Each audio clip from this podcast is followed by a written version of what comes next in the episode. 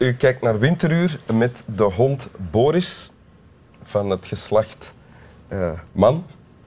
Wim Helsen zelf en mijn eminente gast van vandaag. Ik heb heel lang uitgekeken naar vandaag, want mijn gast is een kunstenaar, uh, vermaard niet alleen in Antwerpen, waar hij werkt en woont, maar ook uh, in Vlaanderen, België en bij uitbreiding de wereld.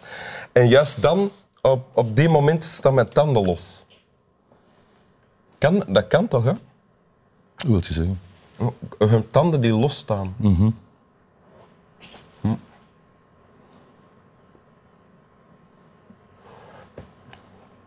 Het gaat. Het gaat. Dus uh, laat ons beginnen. Laat ons uh, de feestelijkheden een aanvang doen nemen met uh, het lezen van de tekst die u hebt meegebracht.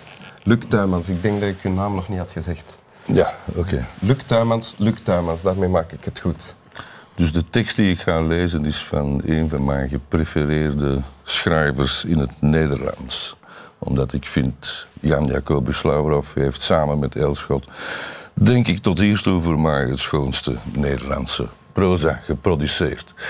En ik lees een heel klein stukje uit het begin van een boek, Het leven op aarde, met de ondertitel Such is Life in China. Een oude zomerdag aan de Chinese kust, die al zoveel eeuwen zijn grauwe gesteenten en klippen en bruine oevers door de golven van de stille Zuidzee heeft laten bespoelen en uithollen. Maar de kustlijn is bijna niet teruggeweken. Er is behalve de trage deining weinig beweging. Om vooruitspringende rotsen kolkt het water. De vissersvloten bewegen zich in stille zwermen langs de kust. Eenzame vrachtjonken gaan traag als in zichzelf gekeerd van haven tot haven. De stoomschepen der Europeanen gaan gehaast in en uit, maar worden bijna niet opgemerkt. Evengoed blijft alles hetzelfde. Mooi voorgelezen.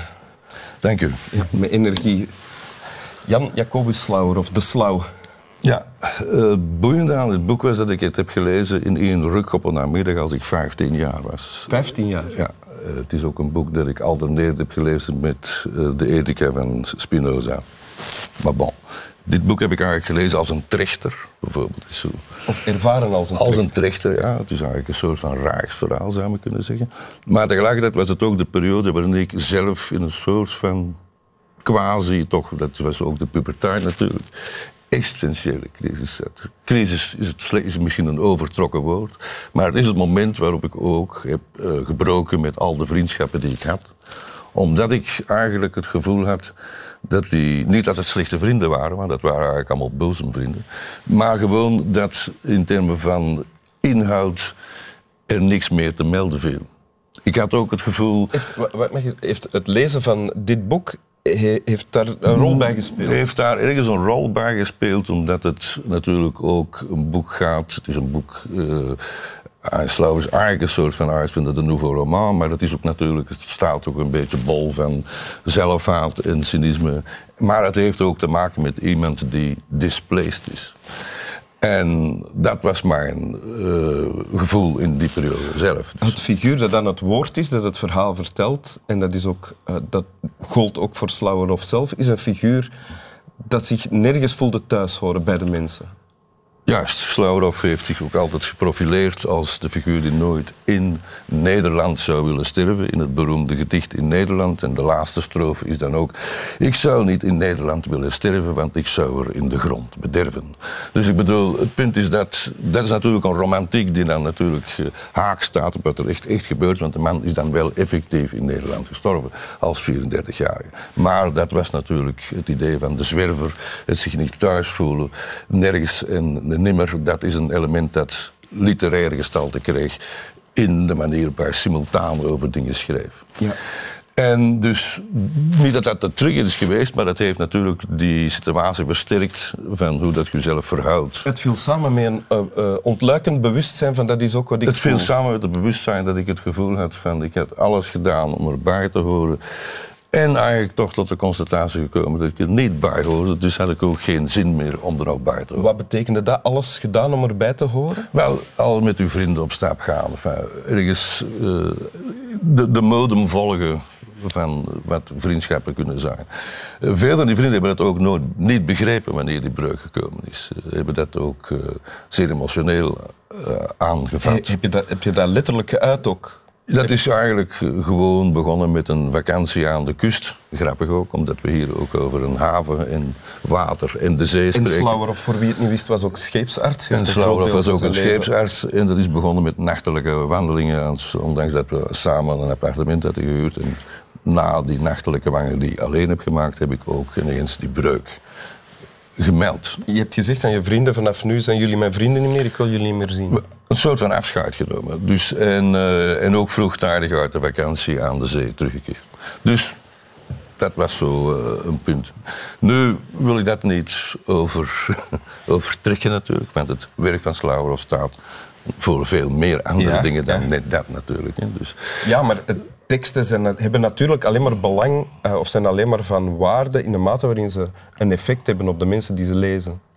En dit is dan een heel.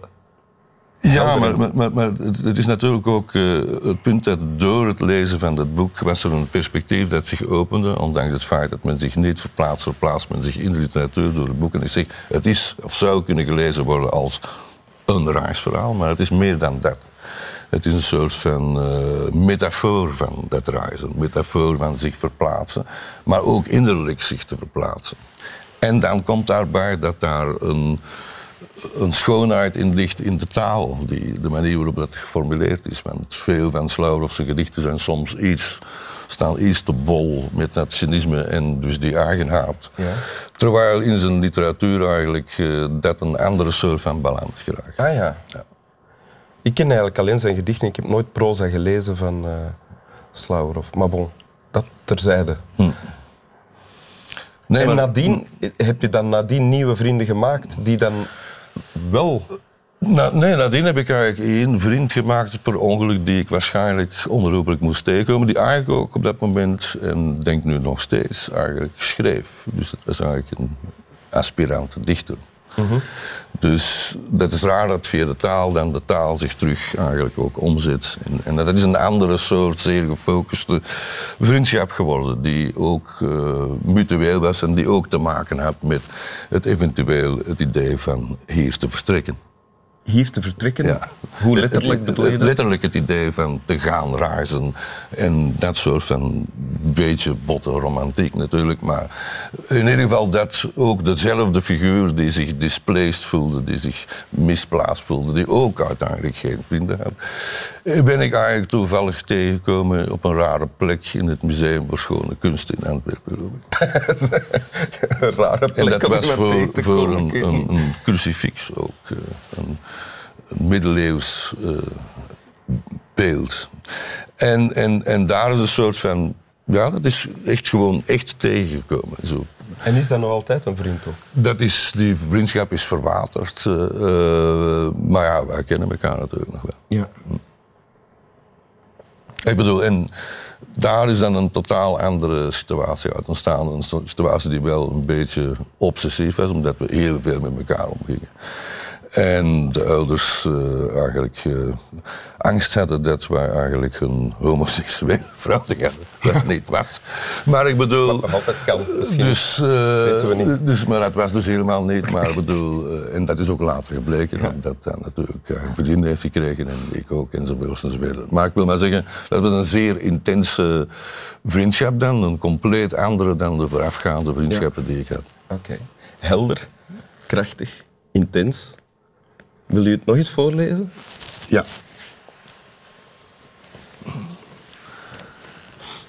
Een oude zomerdag aan de Chinese kust die al zoveel eeuwen zijn grauwe gesteenten en klippen en bruine oevers door de golven van de stille Zuidzee heeft laten bespoelen en uithollen. Maar de kustlijn is bijna niet teruggeweken. Er is behalve de trage deining weinig beweging om vooruitspringende rotsen kolkt het water. De vissersvloten bewegen zich in stille zwermen langs de kust. Eenzame vrachtjonken gaan traag als in zichzelf gekeerd van haven tot haven. De stoomschepen der Europeanen gaan gehaast in en uit, maar worden bijna niet opgemerkt. Evengoed blijft alles hetzelfde. Dank u. Slap wel.